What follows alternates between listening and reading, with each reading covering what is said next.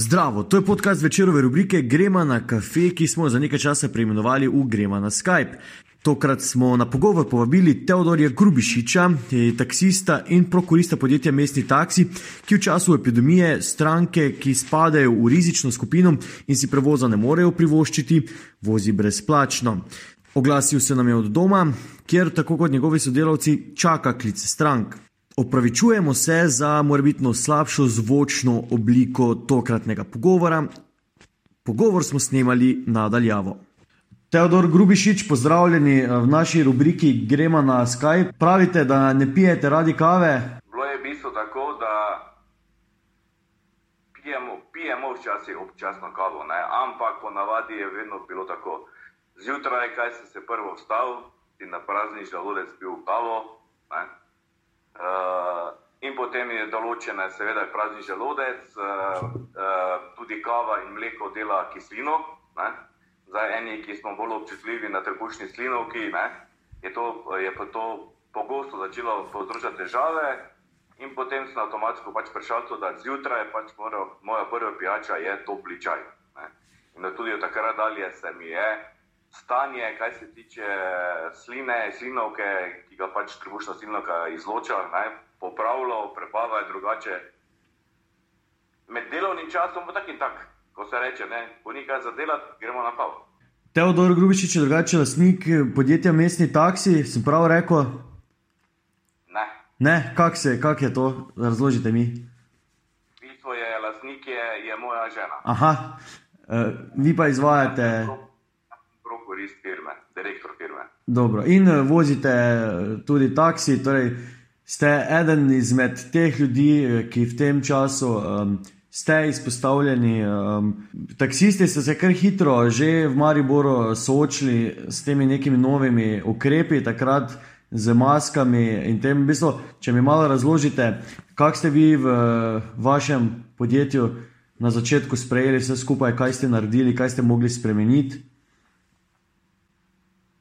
Kar se je moglo v trenutku stvoriti, je bilo to, da smo, da smo nabavili maske, ki so še takrat bile v normalni prodaji, in tudi čestila. Zato, ker tudi če se je po internetu brskalo, se je vedelo, kaj se bo začelo dogajati. Ne?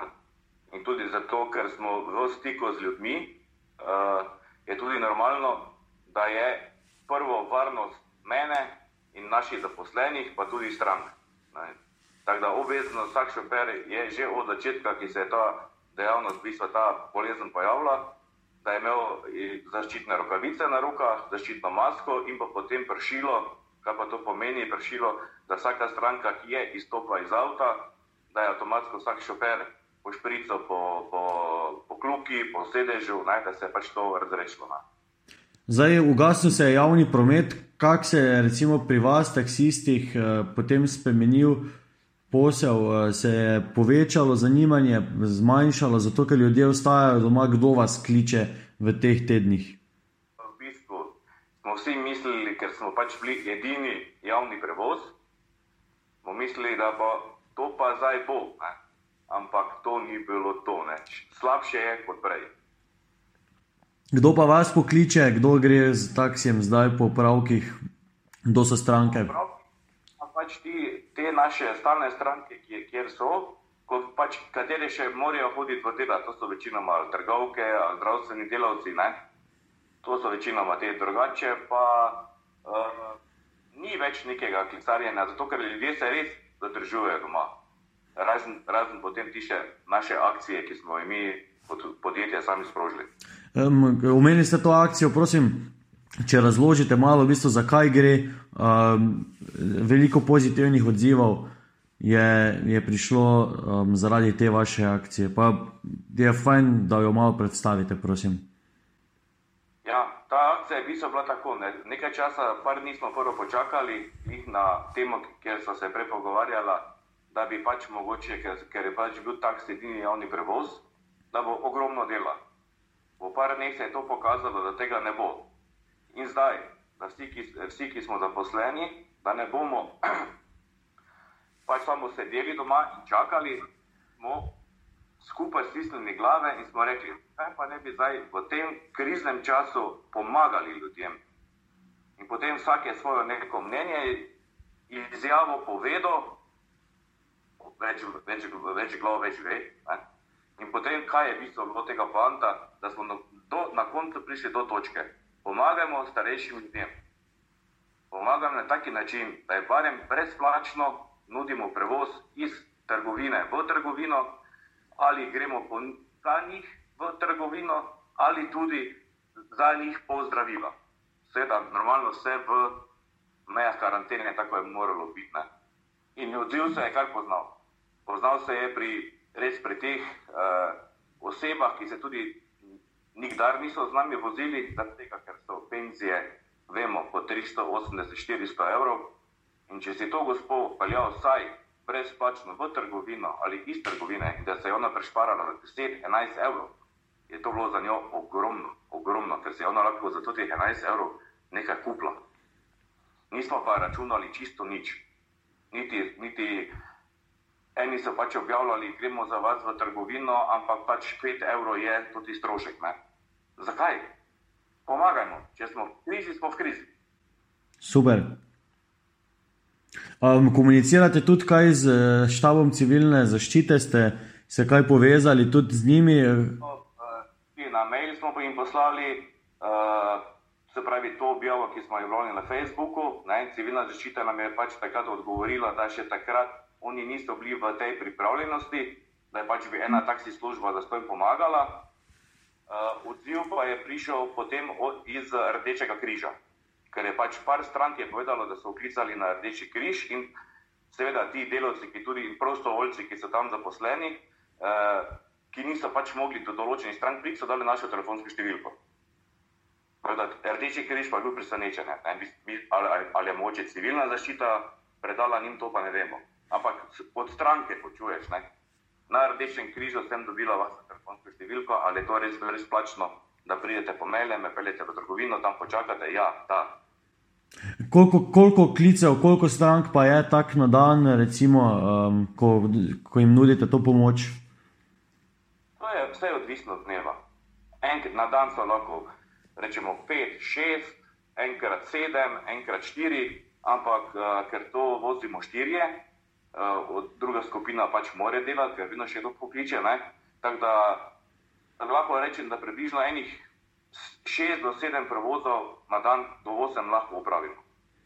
Ker en taki prevoz, v bistvu, tudi če gospod pelješ po tom dveh trgovino, to veš, da uro, uro pa pot traja. Uh, gospod Teodor, zdaj ste rekli, um, štirje delate, um, koliko avtov mestnega taksija um, vozi po Mariboru, kako mislo poteka ta vaša, vaše delo? Uh, dva, bistvo je, uh, en avto je na razpolago pač našim strankam, ki je tak in tak, je zelo malo klicev, štirje pa vozimo uh, za pomoč tem ljudem. Uh -huh. Vsi tudi šoferji, kateri smo doma, pač čakajo doma in če pride neki klic, jaz pokličem šofera, kjer je pač najbližje, ker en je doma na Argentovi, en je doma, uh, rečemo, primer na Frankolovski. Ne, in jaz potem določam, kje je šofer najbližje tisti stranki, da je pač čim prej tam in tudi čim prej obavi to storitev. Ne. Kaj pa sicer, ne? zdaj smo rekli, korona kriza tudi vpliva na vaš posel. Um, kak je pa biti taksist v Mariboru? Uh, vi, ko ste Mariborčan, verjetno zdaj že po nekaj letih tega dela poznate vsako ulico, vsak pločnik, uh, vsa, vsako luknjo na cesti. Ja, ja v bistvu je tako, da delo taksista je, ni lahko. Ker se srečaš z ljudmi, ko je normalno, vse poznamo tudi, rečemo, kot iz filmov, takšni in enaki. Uh, v vsakem primeru Ko oni pravijo, da ja, taksistom vam gre lepo. Ne? Ja, vredno. Za mene je vsako delo težko delo. Tudi policaj ima težko delo, tudi novinar ima težko delo, vsak ima težko delo. Kaj se pa tiče glede korone, eh, lahko samo odgovorim, da je na naš posel pozitivno in negativno vplivala. Negativno je to pač da ni prometa, se pravi, v katerega pač živimo. Uh, pozitivno pa je to, da, da za to akcijo, katero smo naredili, ne, pa če od tega, potem vse rečemo tudi potem, da to ni dobena skrivnost, tudi to lahko ena reklama. Ne, in od tega tudi, če deset teh starejših ljudi potem v normalniku, ko vse to zalapalo ostane, je to super. Um, rekli ste, da je delo taksista prav tako težko. Um, z marsikom, z različnimi ljudmi se srečujete, ne, taksisti. Ste tudi včasih malo psihologi, prisluhnete marsikateri uh, zgodbi. Ljudje se, ljudje se radi izpovejo tudi taksistom. Ne? Um, pač nek, nekomu se more. Ne? In pač prvo je, ko pride v avto, slabe volje in kaj je, se spove tebi. In ti moraš biti psiholog, znati poslušati, ne? tudi znati kaj pametno odgovoriti. Včasih pa najboljši biti res tiho. Ker včasih tudi se je že zgodilo, da si hotel kaj pozitivnega povedati, se pa to vrlo, v bistvu obrnilo v negativno. Ja, um, pa res tako. To je stara zgodba, katera pravi, da to, kaj taksisti vemo, to še Google ne ve. ja, um, več je takih poklicev, ne? Uh, frizeri, um, taksisti. Um, jaz tudi v svoji frizerki, če mi kaj leži na duši, jaz se ji izpovem. Tako da tudi ona je isto bistvo. Ne? Je v Mariboru kakšna ulica, ki ste jo, če veste, da ste jo največkrat prevozili, cesta? največkrat prevozili. Ja, pa, Naj, ja. največkrat, največkrat je tako prevozna, uh, gosposvetska, Titova, Držačka, ker to so v bistvu te velike ulice, ki, ki uh, povezujejo potem te male stranske ulice. Uh mhm. -huh. Se pa dosekrat zgodi, da včasih tudi uh, čuješ kak, ali pa slišiš za kakšno ulico in se v trenutku ne spomniš. To se je meni zgodilo včeraj, ko je ena gospa klicala iz Češke ulice, ki je prebrala, da to je Češka ulica. Ne? To je čisto je na tezno, tako mala, zakotna ulica, notri šest ali sedem hiš, ampak normalno tam nismo dobene stranke imeli ne? in pa tako smešno, zato pa pač dobro, da imamo Google. Ja. Vi uporabljate GPS eh, vse čas pri delu ali sploh ne? Vse avto je GPS notri. To mora biti tudi zaradi tega, ker GPS tudi ti Eh, če je že kakšna gužva, da čim po najkrajši poti ali pa da se izogneš kakšni prometni nesreči, ne? ker če imaš pač tudi GPS, ko imamo mi navigacije, pa, pa imaš tudi satelitsko povezavo, ti tudi potem pokaže, kje se je kakšna nesreča zgodila. Ne? Uh -huh. uh, rekli ste zdaj, da imate vseh avtih, ampak verjetno bi pa znali mariborski zemljevid vsaj pri teh v centru ali kaj takega tudi vi zrisati, če je bilo treba. Če bi bilo treba, sigurno. Ja. Um, zdaj, pri taksistih je tudi tako, da se dosti krat srečujete, predvsem v nočnih urah, z zelo zahtevnimi strankami. Uh, znamo biti naporni stranke po noči. Ja, znajo biti naporni. To znamo. Kako takrat? Kako pa takrat potem to rešite, kako je najlažje izvesti vse skupaj? Ste me prej vprašali, ne, tu pa moraš biti psiholog. Ne. Ali poslušaš, vse pride, se sede v avto, pa ti grozi, da ti bo pobegnil ven, pa ne, take stvari, pa gledaj, ko se boš tavo, te bomo pretepli. Ne. Ja, v redu, zdaj pač vsak se je po svoje znajde sam. Ne. Je pa najboljše, kar pa je bilo ugotovljeno, rečemo, primer, za novo leto, takrat je tako največ dela. Ne? In takrat, ko pride pač ta, ta mladina, notri pač fajn, se hvala Bogu, se tudi mi smo bili mladi, pa smo bili fajni, ne samo takrat, da nismo mogli stolko s taksijami voziti, ker je bil takrat tak, taksi zelo drag. Ne? Se je meni pa zgodilo, da je res, da je, da je moja psihologija ali mojo tisto je, malo se mi je ostalo, ker mi je pač že, že res šel po domače povedano na živce, da ti nekdo grozi, no treba avto, sploh pa neki šmrkavec, 16-17 letni, ne. Je pač ostaviš avto, odpereš vrata, pa rečeš miško, zdaj pa pridi, gremo. Takrat se pa po domače povedano vsi vse re. E, obled... Moraš biti psiholog, ne? psiholog moraš biti.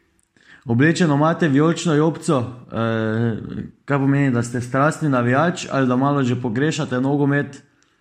Strastni navijač enka Maribora.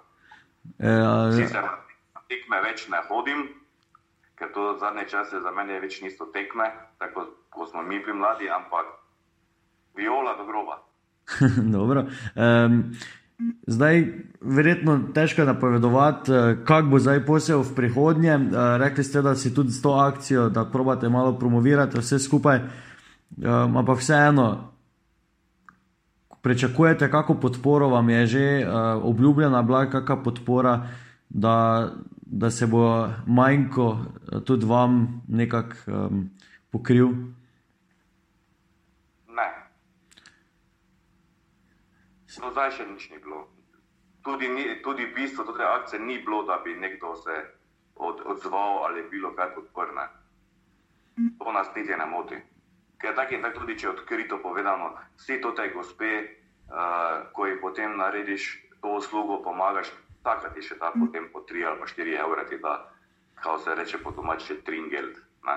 To se pač te vsak šofer tudi zasluži tega in to ti denar vsak šofer za sebe obdrži. Teda tudi tu malo velja tisto, um, tisti pregovor, da bo prvi dal tisti, ko dosti krat nima. Ne? Tako, to pa je definitivno. To pa je že izkušnje iz uh, dela taksista, rečemo, ko se je normalno delo. Oseba, ki jo vidiš, moče rečemo starejša gospa, ki jo peleš od točke A do točke B, ti bo dala prej napitnino, kot pa ena fina dama, ki se bo noter sedla, pa še bo na koncu bo točno do tistega centa zahtevala nazaj. In to je vedno bilo, revež je vedno dal. Um, če si vi kot taksist, pa kot Mariborčan, želite v Mariboru v prihodnje, zdaj če gremo čisto splošno? Ja, kaj si želimo? Da bi se odprle vse te diskoteke nazaj, ki so se zdaj zaprle. Ne zdaj v času uh, koronavirusa, ampak rečemo, pri nas je kar en lep del diskotek se zaprl, rečemo na splošno kot Ribičija, ki je bila zelo znana. Ne? In to so, take, to so take točke, ki se da potem zaslužiti. Ne? Torej, manjka tega življenja, večernega, nočnega v Mariboru. Že, že dve, tri leta najmanj. Ja, hkrati pa tudi je to za vas poslovno gledano. Uh, Rečemo, tudi, so, tudi se že pozna, uh, par let nazaj so ob torkih bili tudi študentski plesi, vedno. To je za, za študente vedno bilo. Ne. Ob torkih po noči to se je delalo, zdaj pa, ko so se dve, tri generacije obrnile, konec. Um, kaj pa sicer v Mariboru, kot na splošno mesto? Um, Česa bi si še v Mariboru želeli, bolj strpnih voznikov, kako so recimo Mariborčani kot vozniki na cesti do taksistov? Um, imate kako, kakšne posebne izkušnje glede tega? To se bi pa dalo meni zdaj skoraj dve uri.